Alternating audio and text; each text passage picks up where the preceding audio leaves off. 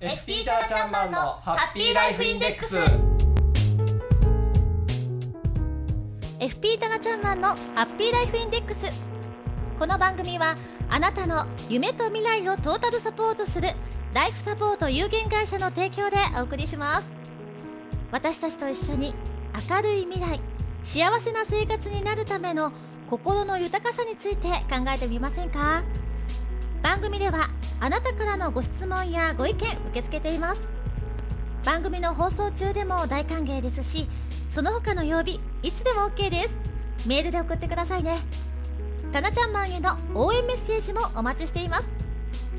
宛先は fm768 アットマーク p-wave.ne.jp メッセージの宛先と同じです。fm768 アットマーク p-wave.ne.jp でお待ちしています。さあそれでは今日も早速一級ファイナンシャルプランニング技能士でありライフサポート有限会社代表そして日本メンタルヘルス協会公認心理カウンセラーとしても活躍されていらっしゃいます幸せクリエイタータナちゃんマンをお呼びしましょう。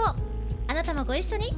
せーのタナちゃんマン。はい、こんにちは、棚橋です。こんにちはタナちゃんは。はい聞こえてますでしょうか？お忙しいのにありがとうございます。はい、すいません。今日はスタジオに入れなくて申し訳ないです。はいまたお会いできるの楽しみにしてますよ。すね。はい、こちらも楽しみにしてます。今日はですねあはい。の、心のお話心の豊かさについてということなんですが、どんなお話してくださるんですか、そうね、今日はですね、はい。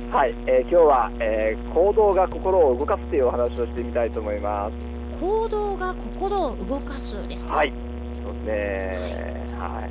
あのよくですね、えあのー楽しいから笑うい。ますよね、楽しい時面白い時って笑うじゃないですえか、はい。はい、でも、えー特にこう楽しいことがない時でもはい。笑顔を作るとはい。ウキウキしてくるんですよね、ああそうですね、はい。えーえーあの心と体というのは一体って言いますかね直結してるんですよ、はい。はい、ですので、あのーこう沈んでる時でもこう、ねまあ、沈んでる時に無理に笑うというのもそれも一つのストレスになるんですけれども、あそうなんですえね、え それも一つストレスですからね、はい。ストレスになるんですけれども、はい。あのよくねあの、笑えないんですっていう方、うん。ね、いらっしゃると思うんですけど、笑えないんじゃなくて、笑わないんですよね。だから笑えないのではなく、笑わない。はい。そうですね。だから例えばですね、あのちょっと、えーラジオを聞いてくださっている方もね、はい。今からちょっとやってみやっていただければなと思うんですけれども、はい。はい、ちょっと、えーまあ、できればね鏡を前にしてやっていただくといいと思うんですが、えはい、口角をですね、えはい。こうクッとこう上げてですねう、ん。笑顔を作りながら、はい。あのー悲しかったことを思い出してみてくださいっていう実験をやってみたいんですよ。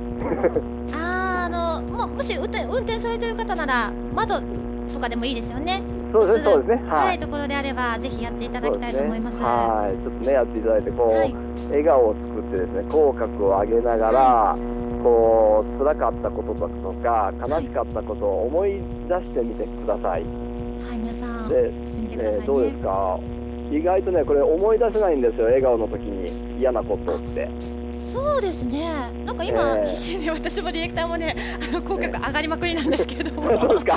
なかなかあれ？あれ？あれ？なな何を思い出せばいいんだっけっていうことすらがわからなくなるぐらいでね。できないですね。えーうんはい。それぐらいですね、えよくあのね、その心で感じたことが体に出るんですけれど、ええその逆もあるっていうことなんですよね。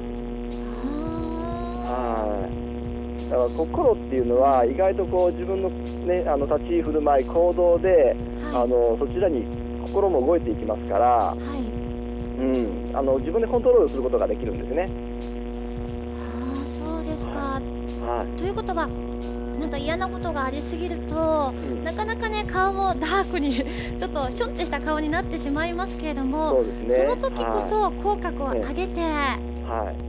過ごしてみるということなんですはいねそ。うです。ですので、うんえー例えばですね、こはいう胸を張って、胸をね、胸を張ってですね、肩を開いて、はいこう背筋を伸ばしてですね、はいえーあの上を向いているだけで、はいもう落ち込まなくなっていくんですよ。なんか上見ると泣いてる涙も乾いちゃったりしますしねそうですね。えーはい。えそっかそっー、かそうでね、あのーまあ。どん。な時もね、そんなことをやってろっていうわけではなくて、それは、はいあのやっぱりどうしてもその辛い時ありますからね、辛い時は辛い時で、やっぱり落ち込むことも大切だとは思います。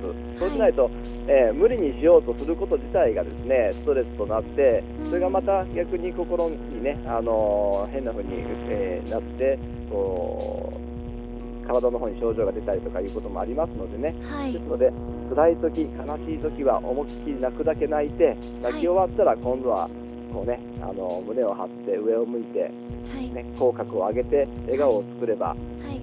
きっと、あの自然にね嫌なことも忘れつつ、いい方向に、ね、向かっていくと思いますんでね、そんな風にね、やってみていただければなと思います。そうですね。まああはの仕事柄といいますかあの、は役柄というんですかね。なかなかこう部下とか同僚にこうあのシュンとした顔を見せられない方っていうのもいらっしゃいますものね。そうですね。で落ち込んでられい。ない。こう今こそ自分が勇気づけなきゃいけないのに自分がへこんでてどうしたんだという時なんか、うんあえてあの笑顔を作ってはい、過ごすことでなんかはい。こう、やり過ごせられそうですね。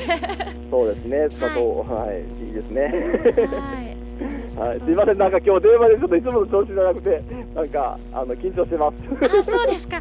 あの、はいでもなんでしょうその行動が心を動かすとありますけれども、今、はいあの面と向かってお会いしてないので声だけで、今どんな顔して喋ってるんだろうって。電話ってすごく気になりますけれども、はいここでもやっぱり口角を上げて喋ってる声とちょっとぶっきらぼうに喋ってる声とってのはやっぱり違うものですかね。そうですね。あの、はい声にもですね、その表情っていうのが現れます。そうですか？はい。ですので、あのー私もね、よくえおお電話でおお客様とお話、ね、クライアント様とお話をさせていただくときに、はい。私、デスクに鏡を置いてあるんですけれどもえ、えええ鏡を見ながら、笑顔をあの常にチェックしながらお電話でお話をさせてもらってます。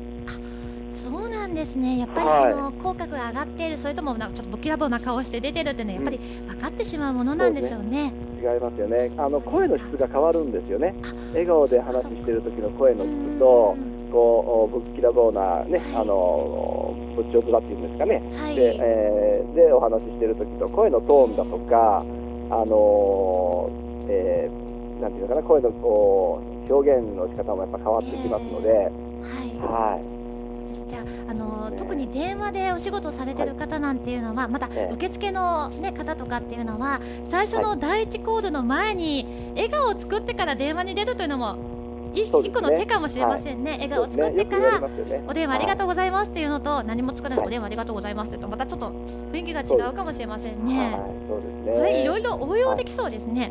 できますね。で、はいよくね、あの電話でお話ししながらこうね、うんありがとうございますと言いながらこう頭を下げてる人いるじゃないですか。しますします。ね、よくね、あの、はい笑い話でね、はいえーよく言われることなんですけれども、あれで必ず伝わってますからね。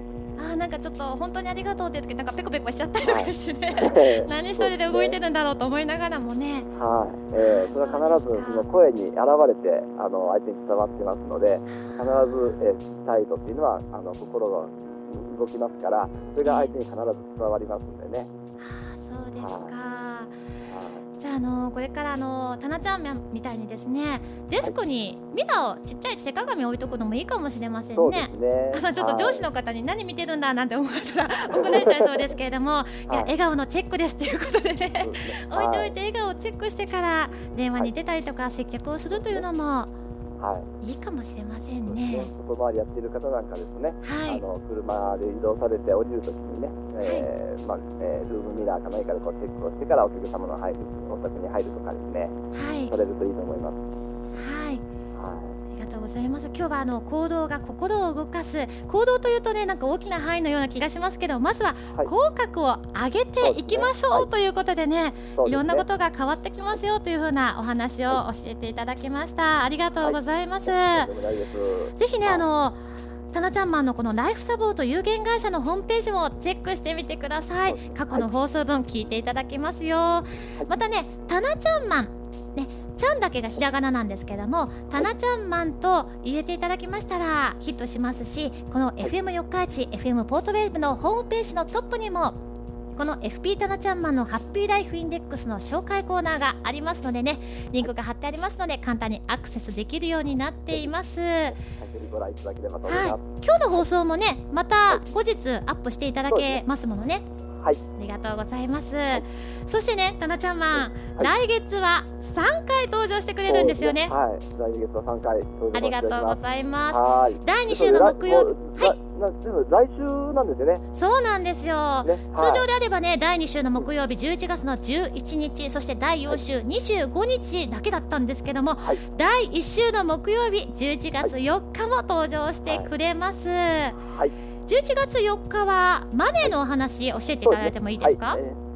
年末近づいてきましたし、ね。はい。マネーのお話を。えー、2週続けてマネーの話というふうになると思いますけれども。はい、い。ろんなね質問なんかもねぜひリスナーの方、ね。タナちゃんマン宛てに送ってください。親切はい丁寧に回答していただけると思いますよ。お待ちいたしております、それではまた来週ね木曜日4時40分にお会いしたいと思はいい、ます、来週はスタジオに行きますのでお願いいたします。はい、タナちゃんマンに会いたいという方はぜひサテライトスタジオに遊びに来てくださいね、お願いいたします。FP タナちゃんマンのハッピーライフインデックスこの番組はあなたの夢と未来をトータルサポートするライフサポート有限会社の提供でお送りしました。タナちゃんも素敵なお話今日はどうもありがとうございました。ありがとうございました。それではまた来週11月の4日木曜日4時40分からの放送お楽しみに。それではバイバイ。バイバイ